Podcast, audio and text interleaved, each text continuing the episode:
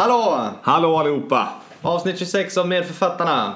Ja! Mm. Eller, Ja, Ja. Eh, vi ska mm, ha ett vanligt avsnitt idag, inte ett eh, lärosätes specifikt. ja det Nej. kanske det blir, det vet vi ju inte. Nej, det är möjligt att vi alla har tagit från exakt samma lärosäte. Men Ja. eh, Troligtvis inte. nej, jag har ju också igen ett mer konceptuellt eh, tema. jag vet faktiskt inte ens vad jag har för lärosäte. Om jag ska. Men eh, vi ska i alla fall, precis som i alla andra avsnitt, prata om någonting gammalt, någonting nytt och någonting udda eh, ur den medicinska litteraturen. Mm. Och jag heter Joe Aked som vanligt. Jag heter Fredrik Wennerström. Och jag heter Miriam Bergström. Ja, eh, och jag tänker... eh, Vi river väl av direkt va? Mm. Eh, Om vi inte vill... vi- Det vill vi göra påminna om eh, att eh, tipsa oss eh, om era lärosäten när Mm. vi sen drar vidare på Sverigeturnén. Just det. Eh, Om eh, det lärosäte eller universitet i Sverige ni har närmst hjärtat. Gräv fram något gammalt eller eh, hitta något nytt och fräscht. Eller hitta något, något, något konstigt eh, som är lite, li, lite roligt. Eh, sådär. Och tipsa oss om det på Instagram. Mm. Så blir vi jätteglada. Men nu drar vi igång med ett helt vanligt avsnitt och börjar med någonting gammalt.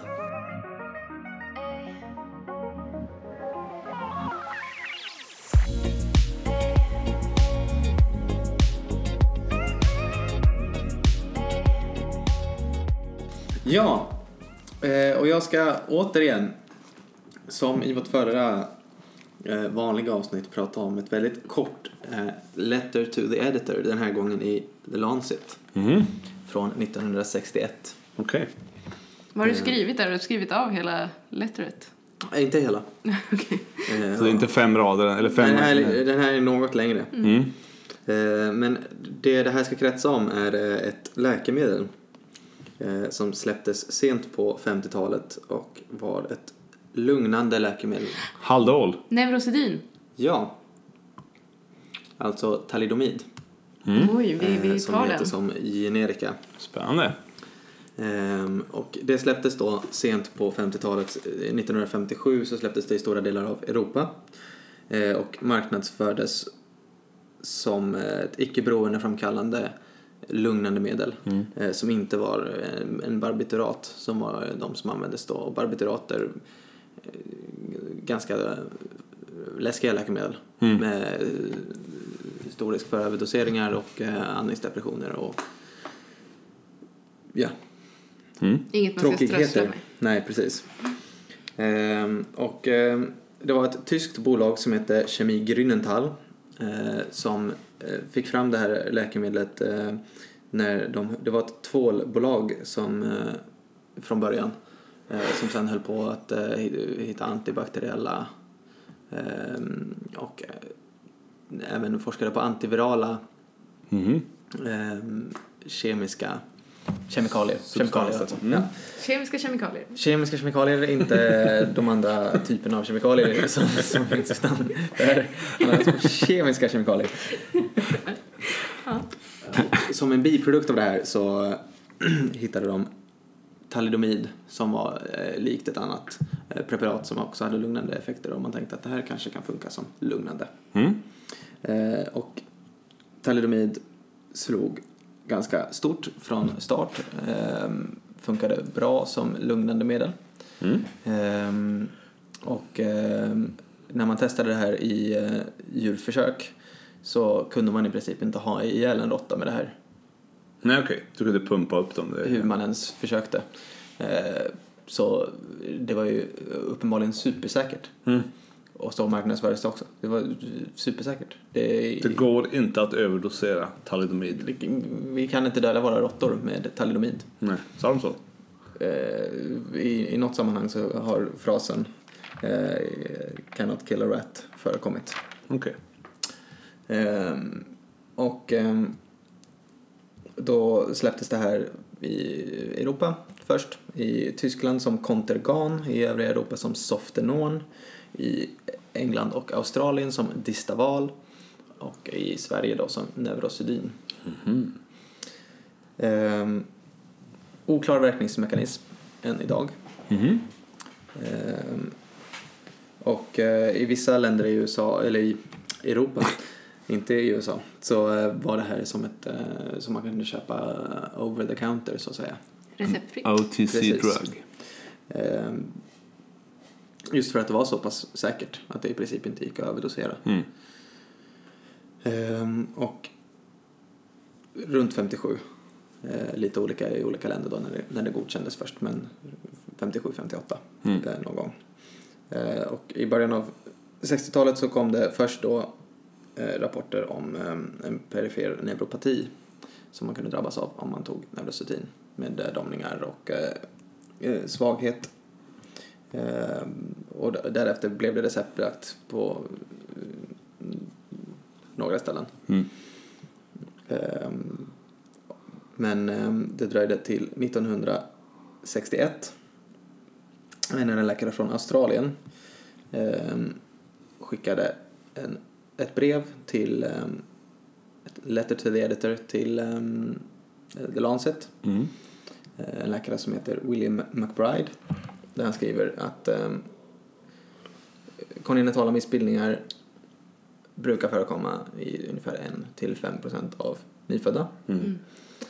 Eh, De senaste månaderna så har jag sett att incidensen av multipla och svåra eh, kongenitala missbildningar eh, hos barn som har fötts av mammor som har använt Distaval, som Mm. det heter då i Australien, eh, under graviditeten som eh, lugnande eller antiemetika. Mm. Eh, där har incidensen varit nästan 20 procent. Mm. Eh, är det några andra läsare som sett några liknande, Mm. eh, nå- något liknande Mm. eh, hos barn som eh, använt Distaval? Och då beskriver han också i det här brevet då att det är mesenkymala defekter, alltså eh, förkortningar av långa rörben, Mm. eh, polydaktyli, alltså för många fingrar på en hand, eller eh, syndaktyli, att de sitter ihop. Mm. Ehm, precis. Och då hörde ju till också att det marknadsfördes också då att vara effektivt som antiemetika. Mm. Just det, just det morgon, morgon illamående eh, hos gravida kvinnor. Mm. Mm.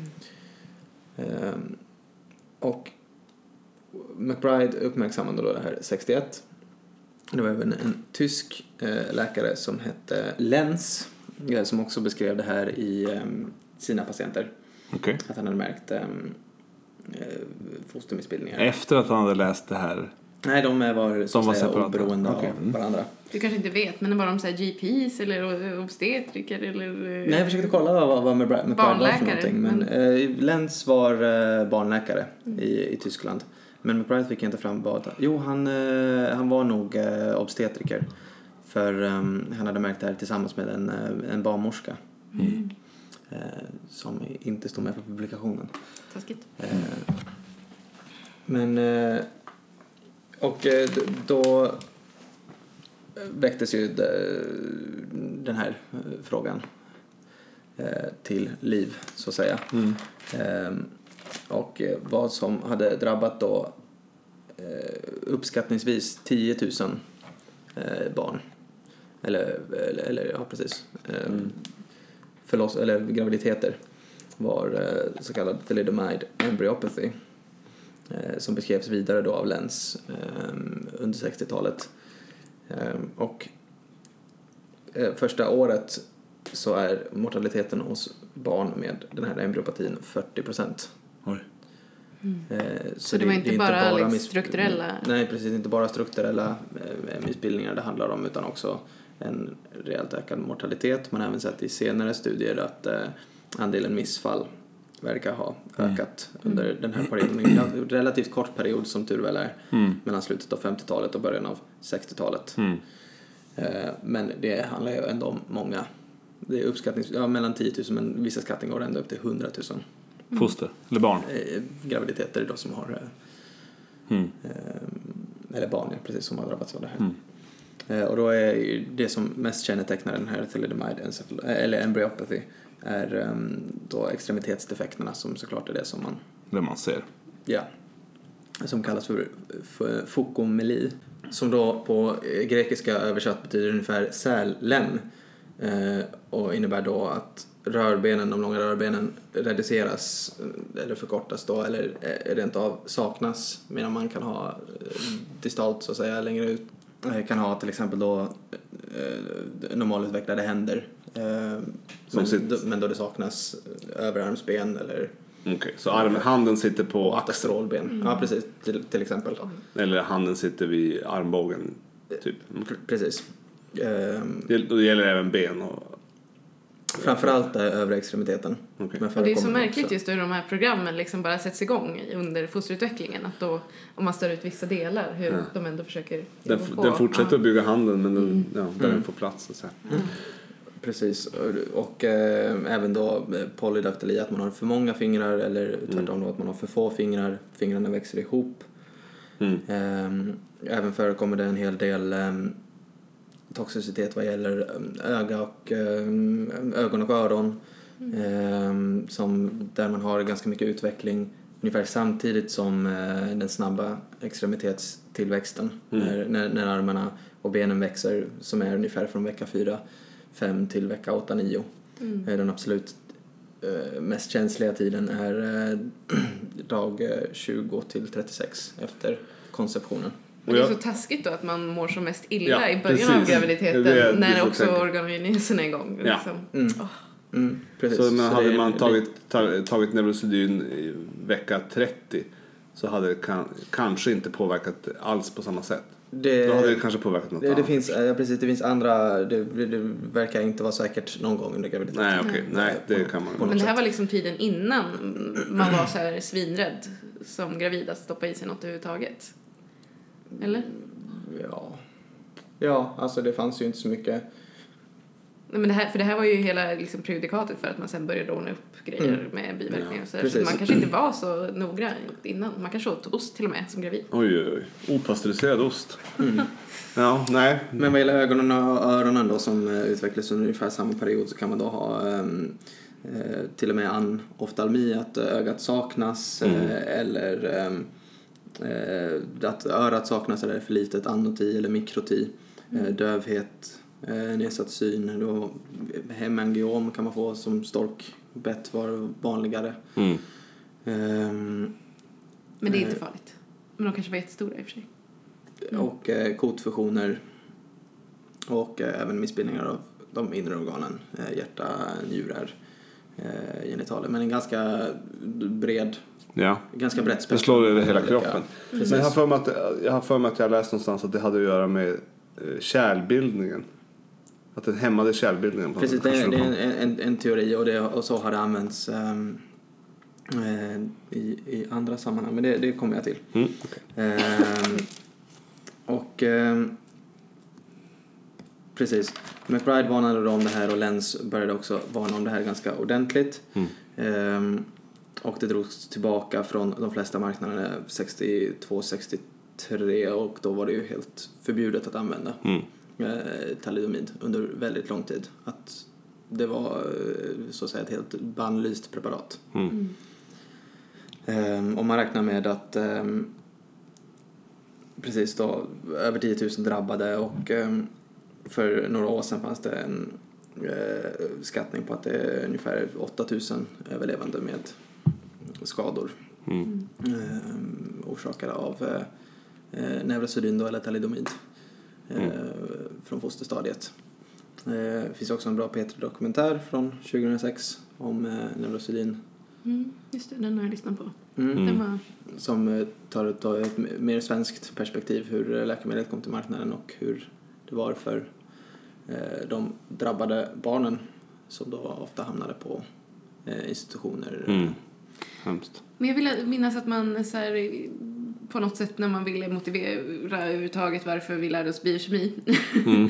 så tog man upp det här med isomere och racemat. Ja, det är ett racemat, alltså Ja. så att säga att det finns ju två olika spegelvända former talidomid. Och den ena var inte så farlig men Den ena är inte farlig, den andra är jättefarlig för fostret. och man hade inget sätt att kontrollera om den Men här det spelar inte så stor roll. form. För även om man ger det andra, eh, den eh, så att säga icke-farliga varianten så omvandlas det till Mhm. Aha, den farliga varianten. Eh, Så det verkar inte spela så stor roll. Mm. Eh, Och eh, det finns studier som har uppskattat att eh, en, en enda tablett i det här tidskänsliga området på 50 milligram Mm. eh, kunde ge defekter på eh, över 50 procent av graviditeterna. Eh, att bara, Så himla pissigt. Ja. Och att det, fram, att det marknadsförs just till gravida kvinnor. och som är helt Ofarligt. otvivelaktigt supersäkert. Mm. Mm. För att man inte hade kunnat döda. Men man borde Ja, då, det, var, det var ju begräns, begränsade djurstudier som hade gjorts innan det här Ja, marknadsfördes. uppenbarligen hade de inte testat på gravida möss. Nej, och inga större kliniska studier. Och under, medan det här, eh, redan strax innan det här hände så höll eh, John F Kennedy, som vi verkar återkomma till ganska ofta. Mm. Det är mycket med honom. Är han den mest medicinskt intressanta Kanske. presidenten? Möjligt. Eh, börjat se till att FDA då, em, Food and Drug Administration, fick större spelrum så att säga och Mm. mer eh, kontroll Mm. redan innan det här. Okej. Eh, och som ni kanske märkte så sa jag aldrig vad talidomid hette i USA. Nej, det fanns inte där. Utan precis, det nådde aldrig marknaden i USA. Eh, det var en del som var så pre-market eh, samples som eh, ändå spreds i USA. Okej. Men det var en kvinna som hette Frances Kelsey eh, som höll den här utredningen för FDA och var väldigt orolig för vad det här skulle kunna ha för inverkan på eh, fostren hos gravida kvinnor. Smart. Som sen då fick rätt när hon började se rapporterna från Europa och eh, Australien. Ja, Hon fick, blev uppmärksammad sen eller så här, som Ja, att hon räddade- fick eh, ett eh, President's Award for Distinguished Federal Civilian Service, vilket är bland de högsta utmärkelserna man kan få som Mm. Civil. Eh, civilperson. Det fick hon redan 1962. Eh, för att hon bromsade Ja. i nästan ett år att det här skulle släppas på marknaden. Det var hon ju värd. Mm. För du säger att det påverkade 10 000 barn. Men frågan är hur många som Missfall. aldrig ens föddes Ja, då? precis. Mm. Miss, andelen missfall ökade ju, har man ju sett i efterhand, Mm. ökade också under den här eh, perioden. Ehm, och ehm, precis, man har ju funderat lite på ehm, varför det är teratogent också, alltså varför det skadar fostret. Mm. Och då är ju en teori då att det hämmar, ehm, och det verkar det göra, hämma kärlnybildning. Mm.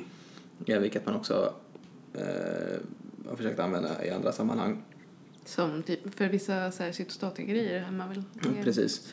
Eh, man har också haft funderingar på om det handlar om uh, ubiquitin, alltså ja, vad ubiquitin nu är. Det Någon är sorts... ubikiturerar saker. Ja, och då... eh, Märker de för nedbrytning. Ja, då bryts de ner, ja. Mm. Eh, och även om det kan ha med fria syreradikaler att göra, men det är inte heller helt... Det, där pågår fortfarande forskning idag om varför det är så himla teratogent som det är. Mm.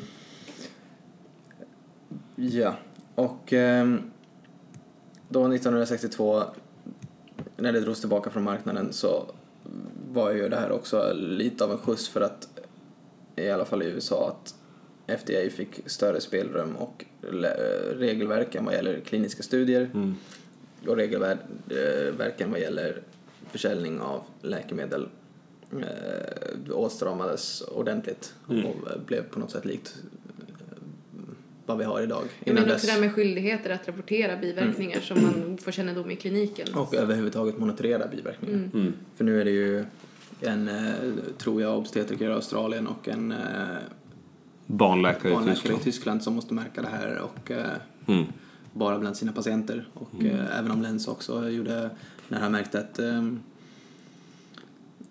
det förekom bland hans patienter så undersökte han också journaler hos andra, andra Mm. vårdgivare och såg att de hade eh, lika mycket problem Mm. eh, med det här. Så är det ju ändå skillnad mot att vara tvungen att monitorera det här Mm. och eh, aktivt rapportera in det Mm. till en institution som, Absolut. som eh, rigoröst håller koll på det. Ja, Just det. Ehm, och man gjorde då en del amendments 1962 till de här lagarna där FDA måste veta om de prekliniska studierna innan. Mm. Vilket inte var en självklarhet innan. Att de vet eh, på något sätt hur det här läkemedlet är eh, testat, om det är testat överhuvudtaget. Mm, okej. Men Ehm, det känns ju bra. och sen då att det måste ja, monitoreras. Mm. Och allt, alla biverkningar det måste rapporteras till FDA. Mm. Är det Läkemedelsverket hos oss? Ja, Rapporterar. precis. Ja. Som då hette Medicinalverket Mm. på den tiden. Efter, det är någon sorts livsmedelsverk och läkemedelsverk Ja. i samma Food myndighet. and tror jag. Drug Administration, precis. Har de? De har det. Eh, och sen så har ju eh, talidomid varit bannlyst sedan länge. Att det i princip inte fick användas för någonting överhuvudtaget. Nej. Men 1964 så använde ändå en forskare i Jerusalem det vid en svår form av lepra Okej. eh, med väldigt svåra smärtor. Så, eh, Spetälska alltså. hos en patient som, precis, eh, hos en patient som, där han tänkte använda det som lugnande. Mm. Men såg att delar av de stora hudmanifestationerna den här patienten hade av sin lepra delvis gick tillbaka. Okej. Och sedan dess så finns det som, eller inte sedan dess men efter det så finns det nu som behandlingsalternativ vid svår lepra. Mhm. Eh, och används då eh, bland annat i Brasilien där man tyvärr då har problem med att det föds nya barn med talidomidskador. Man ger det till kvinnor med Eh, lepra. Alltså. Precis, i eh, modern tid så man skattar ungefär 100, 100 födslar mellan eh, 2015 och 2013. Mhm. Eh, så att det ändå fortfarande förekommer. Och sen ingår det i behandlingsarsenalen för multipelt myelom. Okej. Men då gäller det att informera sina patienter om att de absolut inte får bli gravida. Precis, och där finns det ju också andra läkemedel som till exempel eh, isotretinoin Sånt A-vitamin Som vid akne. vid svår akne som Ja, då måste man skriva väldigt- på verkligen så att jag till- ska Ja, men det är inte väl... gravid. Ja, Precis. precis. Man verkligen lovar att försöka med. Man förstår vad det innebär. Mm. Och så blev det ju även med um, talidomid efter det här då att eh, man till och med kunde uh, fick skriva på att man går med på graviditetstester. Mm. Att Ja. man ska få det här läkemedlet. Vi mm, måste få testa det regelbundet. Ja. För, Så att det inte sker en olycka till. Mm. mm. Ja. Men eh, ja, Finns det, men det används inte i Sverige. Ja, lepra har vi ju inte. multipelt myelom. Det används mot, Mm. okej, det gör det. Det finns ändå med i arsenalen som Mm. en av de möjliga kombinationsbehandlingarna mot multipel myelom. Där är en av dem ingår Mm. talidomid. Och då heter det talidomid och inte Neurosedyn. Ja, vad jag vet. Eller generika-namnet är talidomid. Ja. Ja, Neurosedyn känns ju så här om som bara, nu ska du äta det här. Ska De har, bränt, de har bränt sitt varumärke här. Mm, rebranding Mm. på Ja. sin plats. ja, intressant. Mhm. Och, eh, men en eh, möjlig... eh, eh, Det blev ju väldigt mycket bättre vad gäller stringensen runt medicinsk forskning och marknadsföring och försäljning av läkemedel Ja. efter det här. Men vad jag har sett att någon har påpekat är att det möjligen har bidragit, eller troligen har bidragit lite grann till det här med att kvinnor därefter ofta har uteslutits ur kliniska studier. Mm. ja. Just, det, så att ibland blir, kvinnor nästan blir en underbeforskad grupp. Eller Just det. blir, det vet det, är. ja, där, där är de ju. Kvinnor ja. är ju, det här kan vara en, i den en medicinska litteraturen Mm. är ju en understuderad grupp. Mm. Många kliniska studier som inte Ja. har med kvinnor. Och Ja. det här kan ju säkert vara en bidragande faktor. Fast samtidigt om man tänker att många sjukdomsstudier gör ju på gamla människor så borde man ju kunna ta med postmenopausala kvinnor ganska Mm. lätt. ja, om det är för just för fostrens skull så borde Ja. man ju. Mm. Men man testar ju ganska ofta på, i början på unga friska individer. Alltså i tidiga fas två eller... Men det är... ehm, Ja, det är ett, kanske bland de st- största, om inte den största, medicinska katastrofen som Mm. beskrivs i titeln av Petri-dokumentären. Mm. I alla fall i moder- modern tid. Drama. Mm. Har du något mer åt oss? Jag tror inte det. Allt annat är bara skit. Nej, Jag tänkte då skiter vi i prata om att... det. Mm. Men eh, jaha, okej, så man ska inte äta Neurosedyn. Kan ni nämna eh, tre andra läkemedel snabbt som är teratogena? Varan. Isotretinoin. Ja. Ja, men det har vi redan sagt. Jaha. Men varan är ett. Ja, varann är ett. Som är teratogena. Eh, doxycyklin. Okej, inte teratogent. Nej. Men det är åtminstone man ska und- inte hålla på med. Mm. Undvika det i första trimestern jag. Men är det inte någon eh, blodtrycksmedicinering som också är kass? Nej, ACG-hämmare är väl lite sådär. lite dåligt, men eh, mm. Mm. inte teratogent.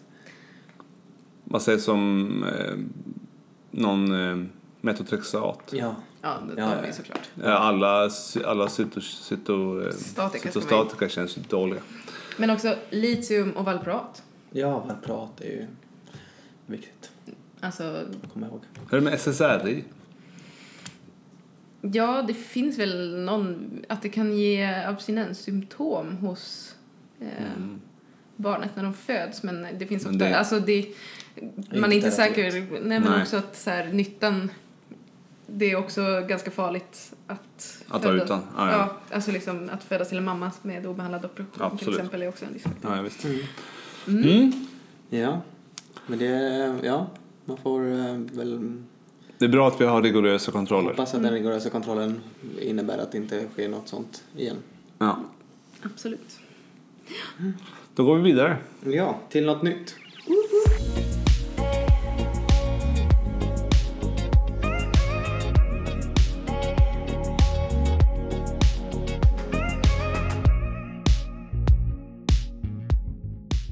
Ja, jag tänkte få prata om någonting nytt. Ja, det, Ja. Det, så brukar det vara. Ja, jag blev lite osäker vad jag skulle prata om, men det var något nytt. Ja.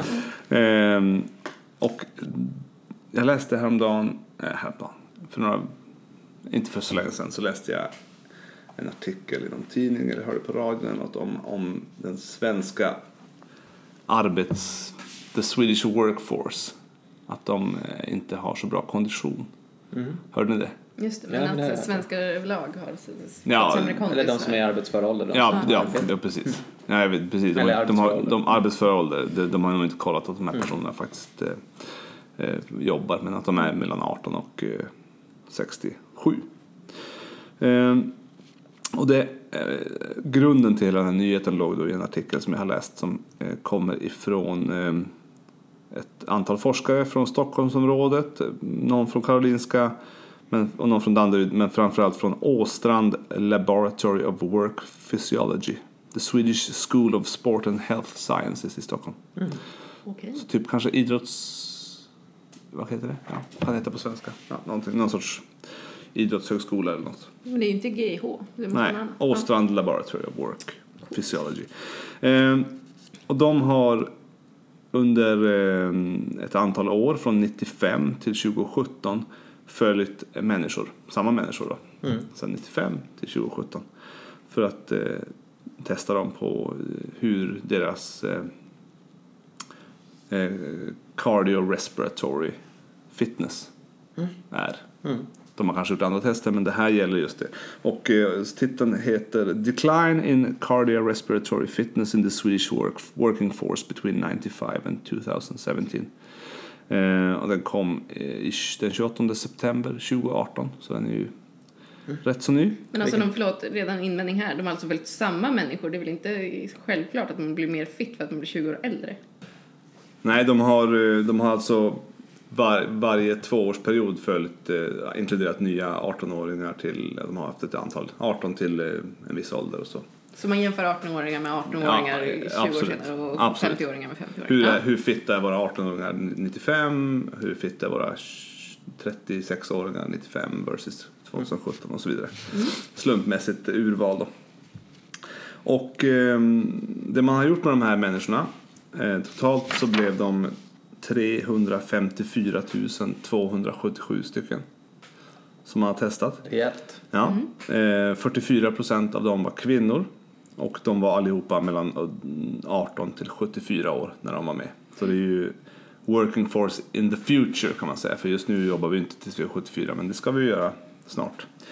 Ehm, och eh, så med jämna mellanrum så tog man in de här till något laboratorium och lät dem, som man sett på tv när skidåkarna tar på sig en sån här mask med ehm, de mäter eh, hur mycket sy- syre man tar upp. Just hur mycket koldioxid man andas ut och hur bra Ja, exakt hur man mäter. Men man sätter på dem, låter dem cykla eh, ett, ett arbetsprov. Typ. Man låter dem cykla i ett antal minuter. Och så mäter man då något som heter v, VO2 max som är volym, volume oxygen ma- maximum. Hur mycket, man kan, hur mycket syre man maximalt kan använda. Och så mäter man också en relativ, alltså VO2 relativt, eh, som är hur mycket syre man kan använda, hur många liter syre man kan använda per kilo kroppsvikt. Och eh, så låter man människor göra det här från 95 och så man, har man klumpat ihop dem första, först 95 till 98 och sen med två års perioder fram till 2017. Ehm, och eh, så ser man väldigt, väldigt tydligt att människorna, svenskarna, går ifrån att vara eh, så här lite halvfitt och ta upp, eh, ja men så, helt okej, vältränade, till att bli eh, nu 2017 så är det enligt den här studien 46 procent av alla svenskar i den här studien klarar inte av att promenera rask takt i 10 minuter utan att ta en paus.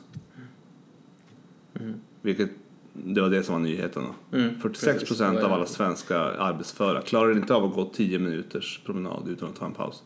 Vilket bara känns... Men gud, är det det de har testat eller har de så här extrapolerat från siffror? Eller så här? Nej, de har inte testat att så här, gå i 10 Ja. minuter. Men de har testat, eh, de har satt en gräns eh, på den här relativa, relativa syreupptagningen. Om man inte kommer över 32 milliliter per eh, kilogram. Så eh, det motsvarar då att inte kunna gå 10 minuter utan att ta en, en paus i rask takt. Ehm, och läser man studien så ja, men det är det. man ser tydligt mm, man, den största minskningen ser man på VO2 max ser man hos de, de, de yngsta. Eller på både relativt och, och eh, maximal syreupptagningsförmåga ser man hos de yngsta den största minskningen. De är fortfarande de har fortfarande en högre VO2 max Ja. än de gamla men de har minskat mer. Och, eh, men på totalen så är det ändå 46 procent som inte kan gå en rask promenad i 10 minuter. Mm. Finns det någon åldersfördelning på vilka som inte kunde gå den här raska promenaden? Alltså, Eh. fanns det, förekom det även hos de allra yngsta eller förekom det senare så att säga? Man ser att eh, näst, alla som är mellan 18 och 34 klarar av det. Mm. Ja, för det är det man ser framför sig, så här, typ så här 20-åringar som bara inte kan ta sig till Men i, nu, vi precis, men talar om det relativa då. Om vi säger man måste vara över 32 för att kunna gå 10 minuter. Så börjar de, de yngsta, den yngsta gruppen, det är tre grupper. 18 till 34, 35 till 49 och 50 till 74. Mm. Så den yngsta gruppen går från 44 ner till ungefär just över 40. Mm. Ehm, Den här mittengruppen går från 38, minskar inte lika mycket, går ner till 36 kanske. Och sen eh, de äldsta går från 33 ner till under 32. Och så har man klustrat det på regioner, alltså storstäder, utanför storst, alltså vad kallar man det då? Någon sorts suburbs och sen rural, för, alltså glesbygd. Mm. Och man ser tydligt att de som bor i storstäder minskar mindre. Alla minskar Mm. i sin syreupptagningsförmåga. De som bor i storstäder minskar mindre än de som bor på landsbygd. Mm. Och den relativa syreupptagningsförmågan är kopplad då till vikt, kroppsvikt. Mm. Och minskningen beror till stor del på att kroppsvikten har ökat Mm. hos alla. Den har ökat mindre hos de som bor i städer än de som bor på landsbygd. Och den har minskat, eh, förlåt, den eh, relativa, alltså, eller viktökningen, har, folk som bor på landsbygden har ökat mer i vikt. Folk som har lägre, kortare utbildning har ökat mer i vikt. Mm. Så det är kopplat till socioekonomi och till var man bor. Och det kan, de två kanske hänger ihop också i och för sig. Jag blir lite bara för- så här, småfundersam på den här viktningen av VO2 max eh, per kilo. Alltså tänk att vi har blivit tyngre. Alltså, är det verkligen en, en, en rimlig eh, extrapolering att göra? Behöver vi ett visst syreupptag per kroppskilo? Jag tänker fett och Är liksom... den helt linjär liksom? Ja. den Ja. skulle ju kunna förklara en del av den här skillnaden, men skillnaden i VO2 max har ju samtidigt sjunkit också. Mm. Eh, jag bara, ett litet brasklapp för att det inte alltid är så lätt att bara ta en siffra och dela på en annan och så får man ett, ett Nej. mått som är liksom relevant. Nej, för jag känner ju att eh, det låter... Man bara tänker sig, tänk, tänk dig på ett jobb liksom. Mm. Kan 50 procent, nästan då 50 kan, hälft, kan man ta hälften av gruppen och säga Kanske inte på våra jobb eftersom Nej. vi är ju nej, annan. nej, så är det ju. Ja. Men eh, ändå tänka sig att hälften av svenska befolkningen Mm. inte kan gå 10 minuter i en rask promenad utan att stanna. Det låter, ju- det låter inte korrekt. Mm. Så jag blir så här, vad är... Mm. Vad är... Vad, vad diskuterar man som Ja, och vad är en möjliga rask felkällor här i- promenad på Åbergs center? Är det VM i De har, ju, de har ju inte kört eh, promenad utan de har ju kört Nej, den här. Aberg eh, method for, jag vet inte vad det hette, men alltså de har kört någon Ja, cykling. nej men så det är klart de inte har De har bara tittat Men jag på- vill ändå veta så här, hur många kilometer i timmen ska man gå? liksom. Ja, men alltså Ja, en det ska- rask promenad, det, det kan man ju alltid tänka sig. Det är ju inte en löp, det är inte en jobb, joggingtur, så gå raskt. Men vad diskuterar man som liksom möjliga... Diskuterar man några möjliga felkällor i artikeln? Eller orsaker överlag. Ja, men är orsaken är eh, var ju liksom dels då, blir- dels då vikten. Ja, Mm. orsaken är ju vikten, absolut. Men är det liksom färre som ägnar sig åt organiserad fri, eller idrott? Är det färre som tränar? Är det färre som... Alltså, Mm. jag menar, jag tycker, oavsett din vikt så kan du ju... Jag menar, det är ju många som kanske har några kilos övervikt som ändå orkar springa såklart. Mm. Alltså, Det är det jag, det är det jag känner. Jag, jag, jag får liksom inte ihop min världsbild med att hälften inte kan ens gå 10 minuter i rasttakt. Nej. Så att... ehm, men menar, i deras studie har de, ju- har de kommit fram till det. De har ändå haft 350 000 personer. De har, de har exkluderat kanske 80 000 eh, grund på grund av att de har inte kunnat... Eh, de har tagit betablockad, de har eh, tagit... Eh, inte kunnat cykla för att de har haft ont eller inte upplevt att de kan cykla och så vidare. Mm. Men jag tänker, alltså på något sätt så blir jag lite skeptisk då till liksom utfallsmåttet eller hur man har beräknat. Alltså Mm. men samtidigt så är det ju en klar, det är ju ändå, eftersom man ändå har använt samma mätmetoder vid, under det här årsspannet Mm. så är det ju en klar försämring ändå jämfört med sen att vad det ska omsättas i Precis. är ju lite Ja, svårare. och det där med promenaden blir ju mer en, en sån P1-nyhet kanske. Men eh, i någon annan studie, amerikansk studie, så, så läste jag att eh, VO2 max är, är starkt kopplat till, till livslängd. Mm. Så har man ja, hög VO2 max ger längre livslängd. Så har du hög syreupptagningsförmåga, vilket då, du är liksom fit, då lever du längre. Alltså i en då välfärdssetting Ja. då såklart. Eller jag menar, det, jag menar- US, det var ju ja. USA. Så att eh, alldeles oavsett hur långt man kan gå så ser vi tydligt att man minskar från eh, man minskar VO2 max med 6,7 procent på den totala populationen och eh, i relativt VO2 max då så minskas det med 10,8 procent i den, i den eh, hela populationen. Och mest i absoluta tal mest hos eh, kvinnor, nej förlåt, mest hos män och mest hos unga. Det är ju det här dataspelandet va? Ja, Är det kanske. det man ska... Ja. Så då, den här 46 procenten, det var 95 var den 27 procent. Som har gått från 27 procent som inte kan gå en rask promenad med deras mått mätt till 46 procent. Mm. Jag menar, det är ju en kraftig ökning. Ja. Mm. Och Men ibland blir det så, man läser, man, men jag ser vad det står. ihop. Jag ser vad det står där men jag tror inte på det ändå. nej, alltså, jag tror absolut på, på att det nog har blivit en försämring. Det tror jag vad, absolut. vad är det liksom i vår livsstil? För att, jag menar, samtidigt under den här tiden så har ju det här med för jag läste bara snabbt i någon sån här socioekonomi, Mm. nej vad heter det, socialmedicin-bok vi hade. Att, eh, alltså andelen som säger att de tränar regelbundet Mm. och så här, har ju ändå ökat sen typ 80-talet. Alltså, som, men, så då måste du ju ha med den här vardagsmotionen att göra. Liksom. Ja. Ja, precis. Och det, man- det tror jag hon har pratat om också i själva den i um, nyhetsbevakningen att vardagsmotionen har försvunnit. Mm. Att författaren där Erik Bombak har pratat om det. Mm, det är möjligt. Att man, man tränar kanske på Punkt, gymmet. punktvis. Eh, någon gång. i- Men om, det någon man egentligen behöver är någon sorts app, typ tät, som- som gör att man tränar hela tiden. Ja. Ja, så det kan vi sätta Umeå universitet på. En ny, Mm. en ny I och för sig har vi alla de här eh, Fitbit eh, Ja. eller armbanden som Armband. påminner att man ska gå sådär och sådär mycket. Men samtidigt, jag menar, kondis känns som ett så, här, så luddigt mått. Liksom. Vad, vad är bra kondis för någon, eh, Mm. liksom inte kondis för annan. Och liksom, ja. Mm. Men på sjukhuset har man ju ibland sånt här sex minuters Gångtest. gångtest för hjärtsviktare och sånt. Mm. Då går man ju inte raskt kanske, då går man mer. Man går fram och tillbaka i Ja. korridoren i sex minuter eller runt, runt i, Mm. på avdelningen.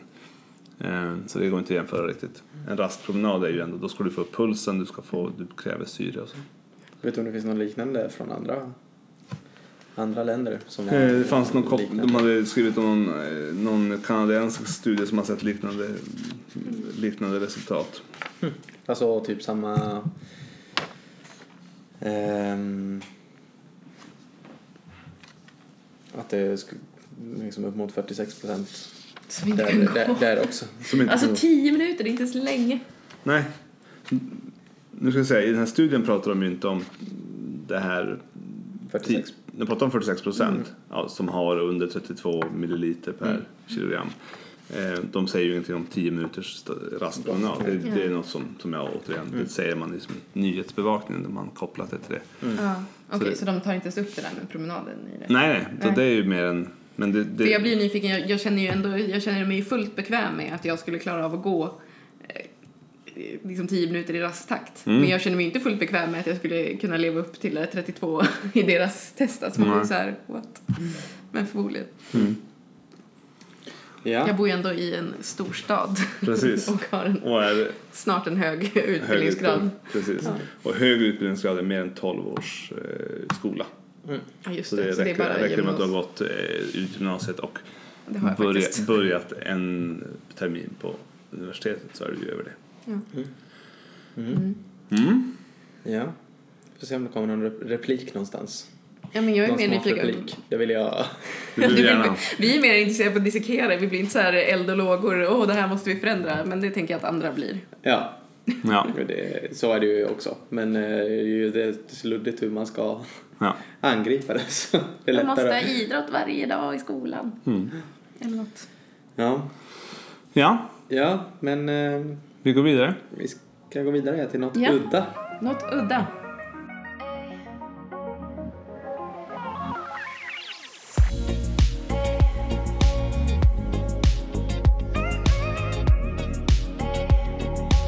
Ja, och jag tänkte gå vidare på livsstilsspåret. Jag vet inte hur udda det är, men jag kände att någon gång så måste vi prata om snus. Mhm. Och nu är jag alltså tvungen att göra ett grupparbete om det här så jag tänkte bara profitera på det. Så mycket ambitioner har jag termin 11.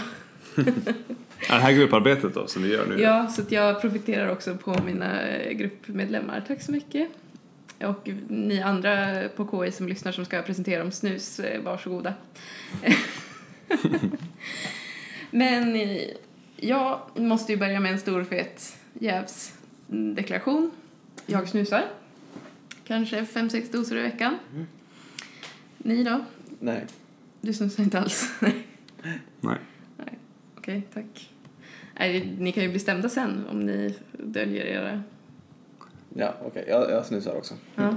Nej, men jag tänker, det, är viktigt när man diskuterar det här därför Ja, att det finns motstridiga uppgifter. Ja, helt klart. Ja. Eh, men jag tänkte börja på en eh, lite allmän nivå.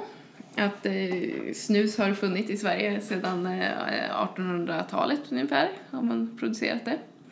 Eh, och det finns ju i många olika former och det finns många i världen många former av vad man kallar då oral tobak eh, eller så. Men eh, de är, skiljer sig ganska mycket åt så att det är, och det finns ju liksom mer kulturella subgrupper av vad det är man använder. Mm. Om man tuggar det eller låter det ligga. Ja. Men eh, Folkhälsomyndigheten uppskattar att, eller de har gjort en enkät som visar att eh, 11 procent av Sveriges befolkning snusar dagligen. 4% av kvinnorna och 18% av männen. Eh, 2 eh, anger att de snusar ibland. Och jag har hittat ett väldigt roligt så här, eh, någon funktion på Folkhälsomyndigheten om folkhälsodata där man kan liksom gå in och ha väldigt mycket olika faktorer och göra egna tabeller över det och liksom så här, skitcoolt i alla fall. Eh, Av sitt snusande eller av... nej men av liksom folkhälsodata från hela Sverige. Mhm. Ja, inte just Den är- snus utan... Den är väldigt bra. Ja men det finns säkert för mycket, nu har jag tittat på just tobaksanvändning. Okej, Men, mm. Den är supersnygg. Ja. Mm. Och det här har i alla fall varit ganska stabilt eh, 2004 i alla fall, är det deras första registrering och inga större förändringar. Mm. Eh, och jag tycker inte, jag kunde se när jag fipplade runt där bland mina diagram att det var jätte, så stor skillnad i liksom utbildning eller socioekonomisk grupp. Eh, så. Eh, kanske li, möjligen lite mer i den här liksom, gått ut gymnasiegruppen än i högutbildad eller liksom, Okej. el- än, men också mer i gått ut gymnasiet än i de som inte har gjort det. Så att det är liksom, ja. Kan det vara en kostnadsfråga?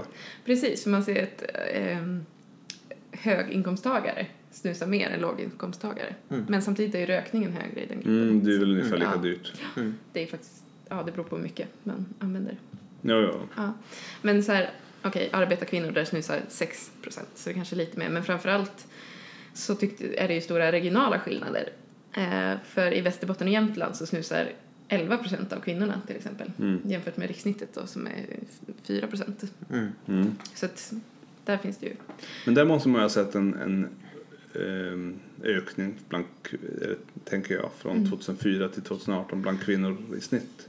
Eh, känns 2004 åtminstone. snusade 3 procent av kvinnorna så det är ju en jätteökning. okej, men kanske från- sen 70-talet kanske man möjligen kan en precis. Om jag har gått 20 år tillbaka till så från 80-talet till Ja. 2004 hade Mm. man nog sett en stor ökning. Det tror jag. Eh, men sen, ja, precis. Det är ju ingen jätteökning just nu i alla fall. Nej. Men eh, det vanligaste är åldern 30 till 44 år. Mm. Eh, och sådär. Eh, snus innehåller tobak och lite annat. Eh, och nikotin då. Eh, Och det står... Det är väl kanske ungefär... Om man tänker att en prilla innehåller ett gram så är ungefär 10 milligram nikotin i den. Okej. Men man tar upp ungefär 10-20 procent av det.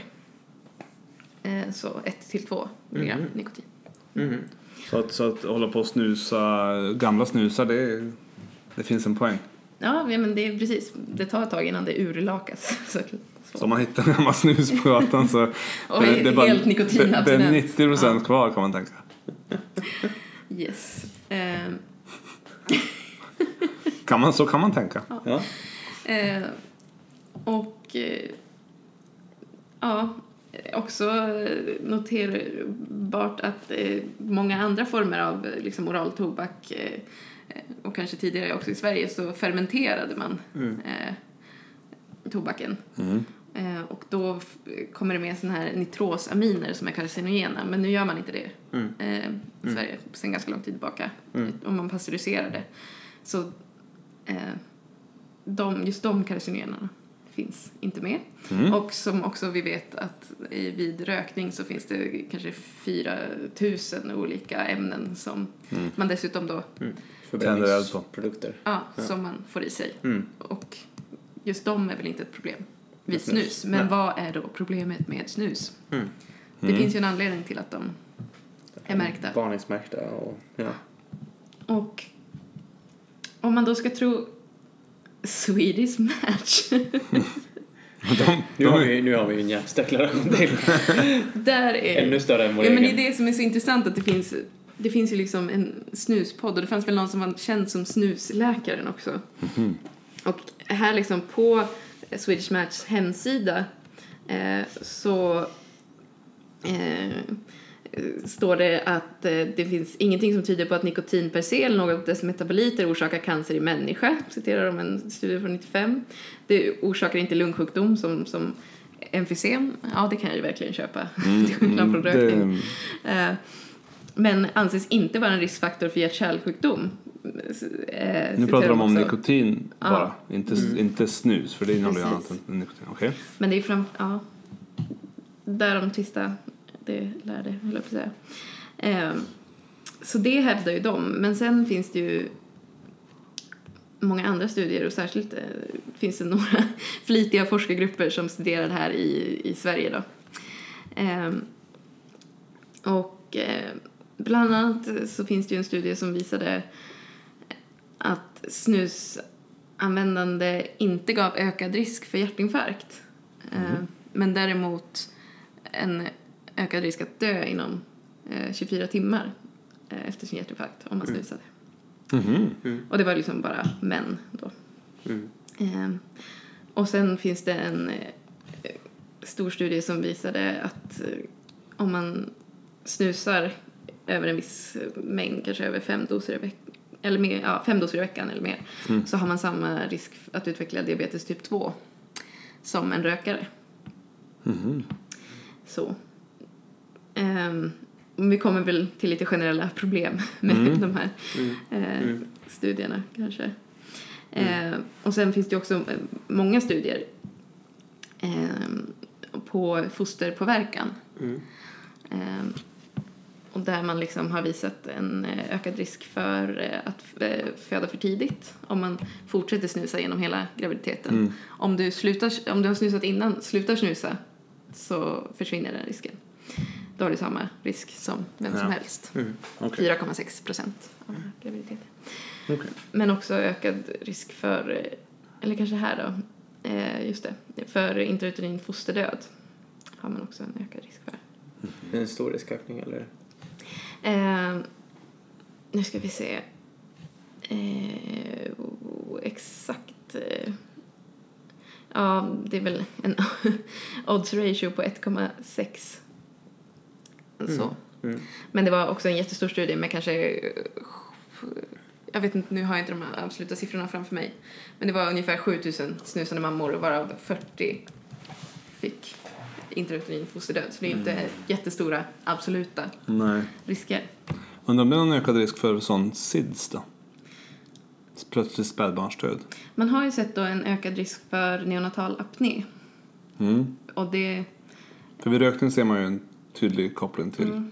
Mm, men det är ju Eller- rökning i hemmet. ja, Nej, men även rökning under graviditeten Ja, just det. ser man koppling till SIDS. graviditeten, ja. mm, Just det. ja, det har man inte studerat. Men Nej, okej. neonatal apné såg man en, en viss Om man snusar för. under graviditeten. Och det tror man att det skulle ha att göra någonting med att nikotinexponering under graviditeten eftersom nikotin, alltså nikotinärga receptorer finns ju i liksom nervsystemet att det skulle ge någon form av autonom dysfunktion hos barnet för att det blir felinställt. Samtidigt, återigen, eh, 7500 eller 600 mammor, 26 fall av neonatal apné s- där man har sett det i journalen och det är inte mätt med mortalitet heller okej. utan med Är det här på Swedish Match hemsida nu? Nej. Nej, nu har vi gått Nej, vidare jag tänkte till det. den känns- hårda verkligheten. Det jag känns inte som att de... Nej. Ehm, så att, ehm, och det finns liksom några fler studier som visar det här, men vissa visar hö- högre risk för preeklampsi, vissa visar absolut inte det. Så Nej. att det är liksom, man nallar på gränsen här. För det jag har tänkt på med snus är eh, om man ska ta ett blodtryck. Mm. Enligt konstens alla regler så får man ju inte inta nikotin eller koffein samtidigt. Nej. Det är många som snusar dagligen då Mm. och säkert ganska stor del av dagen. Mm. Då funderar jag lite på hur det påverk- påverkar blodtrycket på, på lång sikt som Mm. då för med sig ökad risk för hjärt-kärlsjukdomar. Mm. Det, det har jag inte sett. Nej, Någonting. alltså jag är Eller- inte så heller, jag är ju, vi, vi har ju nu Därför kan du, Försök, visa, kan du visa att snus ger ökat eh, högt blodtryck. högt, Då, ger högt blodtryck då, då har du ju egentligen bevisat att det ger en ökad risk för stroke. Mm. Men det känns som att man inte har hittat det för då borde det basuneras ut överallt. Mm. Ja. Jag har inte hittat några sådana studier i alla fall. Mm. Där, så långt sträcker jag mig. Mm. Eh, och sen eh, finns det också det här med att det florerat eh, cancerspekulationer. Mm. Man har fått höra om Muncancer liksom. och, och Och pankreascancer. pankreascancer och sådär, koloncancer. Men eh, Det har gjorts en pooled analysis på nio prospektiva observationella studier på sammanlagt typ 400 000 eh, patienter och där såg man ingen ökad risk för pankreascancer. Eh, och ehm, en annan stor studie, jag hittade, men det var inte lika stor, men 410 patienter ehm, med muncancer och där såg man ingen association till snusvanor men såklart till alkohol och rökvanor. Mm. De var mycket mer penetranta. Och inte det svårt överlag att skilja ut i de här studierna. Ja, ja men precis. Och det är väl det som blir... Jag måste bara slänga in brasklappen att man såg ingen all- allmän ökad risk för kolorektal cancer heller, men en liten ökad risk för just rektal cancer. Så att vi inte... Mm.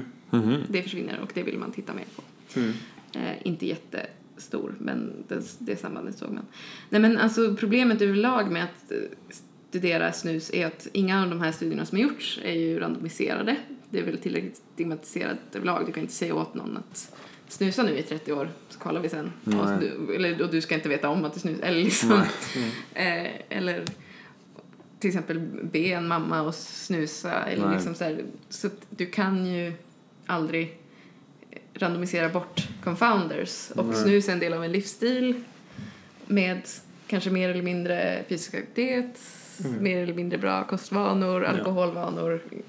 Tjohejsan hoppsan. Och är uppenbarligen kopplat även till din eh, socioekonomiska status. Ja, men också din tydligen eh, alltså, geografiska Mm. eh, levnadsort som Ja. du är kvinna till Mm. exempel. Mm. Och då kan man ju ha både alltså, geografiska faktorer men också Mm. genetiska faktorer som skulle kunna, särskilt sådana fosterstudierna där du har så extremt få utfall. Mm. Mm. Ja, precis. Mm. Så det är, det är ju svårstuderat eftersom det bara är ett svenskt fenomen också. Det kan ju Mm. inte riktigt jämföras med någon annan. Ja, precis. Nej, men det finns ju, du sa ju det, det finns ju snuff och vad det heter i andra länder. Mm. Ch- Chewing Det är tobacco. väl problemet med många av dem att de är fortfarande fer- fermenterade på vissa ställen va? Så är det eller, Mm. Mm. Okej, så det, det går inte att jämföra rakt då. Nej, de här nitrosaminerna är väl Mm. tydligt eh, Mm. cancer. Men jag tror att även bland, alltså i svenskt nu så har man hittat eh, liksom ämnen som kan ha visat sig vara carcinogena i djurstudier. Mm. Så man har- tar ju inte det helt ur Nej. luften. Men jag funderar liksom så här, okej det är en mindre population, därför har vi inte kunnat se de här stora sambanden. Den, eller liksom Mm. bara mata in massa data från hela världen som man kunde göra med rökning. Men Nej. samtidigt tänker jag att de första såna här rökningsstudierna var ju också små, men där kunde man ändå se en... Men var, var det inte så, det Starkt kanske var att det var så, att rökning är så pass mycket mer, Mm. det är så mycket, Ja. så mycket starkare orsakande av sjukdom. Mm. Men det betyder inte att, att snus inte, inte orsakar sjukdom, men kanske inte lika Nej. starkt. Mm. Men eh, på tal om då, eh, nu pratar vi om snus, tobak. Det finns ju på och Swedish Match som då har kommit med produkter som innehåller nikotin utan tobak. Mm. Bara nikotin, Ja. tror jag. Mm. Och det är ju intressant att veta vad de... Det finns inga studier på dem antar jag, för de har inte funnits så länge. Nej, de har inte funnits länge. Alltså, det- Samtidigt tycker jag det är märkligt för att i de här studierna av eh, fosterpåverkan så har man liksom sett det analogt som att ja, men om man använder snus så studerar man bara nikotinets påverkan därför Mm. att man kommer bort från alla de här confounders andra grejerna med rökning. Mm. Men eh, där har man i alla fall, eftersom man har den här hypotesen om att nikotin påverkar eh, eh, fostrets eh, liksom, nervutveckling så är det inte safe att använda liksom, redan nikotinsubstitut. Nej. Men på liksom, Mm. Långtidshälsa är det ju. Mm. Och sen en invändning mot den här diabetes typ 2-studien är ju Mm. att de inte har ett särskilt snyggt eh, dos eh, Respons, responssamband. Eh, du, om du snosar, snusar 3 till 4 eh, doser i veckan så har du samma risk som vem som helst, som en icke-snusare. Ja. Men du, du kan också genom att gå från en till två doser i veckan till tre till fyra doser i veckan sänka din risk för diabetes. Mhm. Men sen eh, finns det ett samband Så- om du går från 5 till 6 eller till över 7 så... Okej, så ökar ska det. man, det- antingen ska man inte snusa Eller eller, så eller ska så ska man... man snusa 34 doser. Ja. Men hur är det där brukar man, eller i de här studierna, delar man upp i de flesta på tidigare rökningsstatus. Ja, eller de är, många har man exkluderat tidigare rök. I alla fall i den här i eh, eh, hjärtinfarktstudien så exkluderar man tidigare rökare. Mm. För den känns ju annars, eh, om någon börjar snusa för att de har rökt i, Ja, precis, för att i sluta 30 röka. år så har man ju en klar confounder att Mm. man har Mm. rökt i 30 år. Ja, hur, hur ställer ni er om ni är på sjukhuset och eh, jag läste någon gång om det här. Det är ju om en patient vill sluta röka, Mm. det, vill, det vill man ju att de ska göra som läkare, Mm. men de klarar inte av det om de inte får snusa. Är det liksom, tycker ni att det är, men det är bättre att du snusar eh, rent medicinskt? Skulle ni, om de frågar det, ja, men är, är det inte bättre att jag snusar åtminstone? Det får, Jag mm, bäst rekommendera ingetdera. Ja, men precis. eh, Men om, patienten om, om frågar- patienten ställer ett eh, ultimatum. vad, eller, vad tycker du? Ska som- jag, du ska jag gå ut och börja röka eller? Ska jag gå och köpa en snusdosa? Mm. Ja, Vad, hur, ska- hur ska man svara då? Är det bättre att... Är, det- är det rekommenderar, jag, jag rekommenderar att du i så fall ska på snusa. det underlaget vi har så Så är det bättre. ja, Mm. Det bästa är att du slutar med nikotin helt. ja. Alternativt att du snusar 3-4 doser per dag. Ja, men det är ju jätteintressant liksom, för det finns inte, jag menar, rökning har ju så mycket, alltså all kärlsjuka liksom Mm. att, jag menar, mm, med claudicatio liksom, Mm, att du kan ja, ja. amputera Precis. dina ben för, alltså vissa klarar inte av att sluta röka och det går så långt att de liksom måste amputera Ja, ben- båda Mm. benen liksom. Ja, nej, då är det ju, om, om, om man kan slippa det med att istället då röka eller snusa så är det bättre. Men jag läste någon sån eh, typ non-smoking generation eller vad det nu var. Nej men det var inte de, men något liknande sånt, anti-tobak. De tyckte ju starkt att det, eh, läkare ska inte rekommendera snusning framför rökning. Det är, man ska bara rekommendera sluta. Mm. Mm. Ja, men det är klart att det, det kanske är optimalt att bara sluta Ja. med allt. Mm, ja. Men det är frågan, ska man låta eh, perfect get in the way of good? Nej, det är frågan. För tittar man på sjukhuset på Men, eh, läkargruppen Mm. så är det ju väldigt många som använder snus. Mm. Och eh, inte så många tror jag som använder cigaretter. Det ser man ju Nej. definitivt inte för att det finns ju det är svårt att röka på jobbet. NHS har nyligen eh, utvärderat eh, vanlig alltså nikotinersättningsbehandling, tuggummi eller Mm. Ja. plåster, tror jag, eh, mot eh, e-cigaretter. Där den vanliga plåster och, och tuggummi eh, fungerade bättre än e-cigaretter för att sluta röka. Mhm. Som kanske är jämförbart. Men det är för att då blir du inte av med ditt beteende. Nej, precis. Då går du runt där och bolmar fortfarande. Mm. Men det, för det finns ju också studier där man eh, har jämfört att, eh, jag menar i Finland så eh, förbjöd man snus. Eh, och medan i Sverige så fortsatte man. Och så har man liksom jämfört liksom rökningsprevalensen med det. Mm. Och eh, när 95 då, när man förbjöd eh, snus i Finland så hade liksom Sverige och Finland haft samma nedåtgående trend Mm. eh, med rökning. Men i 95 då så planar Finlands rökminskning ut Mm. medan Sverige fortsätter minska. Mm. Eh, så att, Så fler finnar än svenskar röker. Mm. Och det liksom haltade där 95 då Mm. man förbjöd snus. Så. Men samtidigt känner jag, alltså så här som i en, en professionell roll så är det väl inte Nej, men det är ju... Nej. Det är svårt. Samtidigt för- har jag hört en obstetriker som, äh, jag snusade genom hela min, min graviditet, jag var nog med i den där studien. Alltså, så att Ja, men det är man ju... kan ju, vad man gör själv är en annan Ja, fråga. Men det är ju... mm, Ja. Det jag kan känna angående det här med fosterpåverkan och så är ju kanske inte, alltså den absoluta risken blir ju fortfarande ganska liten även om du, Mm. för, för de här olika grejerna eftersom det är ovanliga utfall. Mm. Eh, men i och med att vi nu har den här vetskapen och om man, och, om man har den och fortsätter snusa och sen händer det någonting, Mm. att du då ska kunna eh, blamea dig själv. ja. Det blir ju svårare just i en sån Och sen, situation. om man är, jobbar som obstetriker Mm. eller gynekolog då känns det ju som att det är lätt, sva- svaret är lätt. Om de Mm. tycker att det är inte bättre att jag snusar så måste man ju vara väldigt, väldigt tydlig med Mm. att nej, du måste sluta åtminstone under de Eller liksom det är bättre att du måste, måste man ju inte. Nej, nej, men alltså rådet är att du Ja. måste sluta. Nej. Jag kan, jag Nej men jag tänker här. också för sin egen skull. Ja. När vi pratade om eh, blodtrycket så Mm. finns det en, eh, en studie som eh, finns här som en original, originalstudie i Läkartidningen från eh, eh, Monica-undersökningen som är i Norrbotten och Västerbotten för Mm. eh, trender i kardiovaskulär sjukdom. En stor studie där de har undersökt 4 000 män i norra Sverige Mm.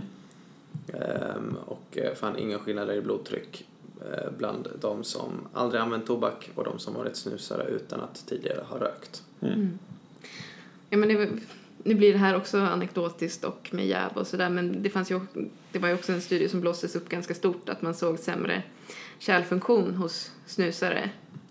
Eh, men då hade man ju då jämfört eh, otränade snusare med friska icke-snusare och de friska, liksom, eller med vältränade Mm. icke-snusare och om man då jämförde de vältränade snusarna med de vältränade eh, icke-snusarna så var inte alls lika stor skillnad. Så det, det är Det är svårt, det, känns som att det som- finns viljor från olika håll här Ja. som bara säger åh, Mm. allt med tobak, kan vi inte bara sluta med det? Och de, där det finns klara vinstintressen från Swedish Match. Och där det finns sådana som jag som bara är så här, äh, kan inte jag bara få göra det här? Ja, för summan av lasterna är, ju, är väl konstant ändå. Så att Antingen håller folk på med tobak eller så håller de på med något annat. Ja, Mm. kanske. Möjligen. Så är det. Kanske man kan undersöka. Är summan av lasten konstant?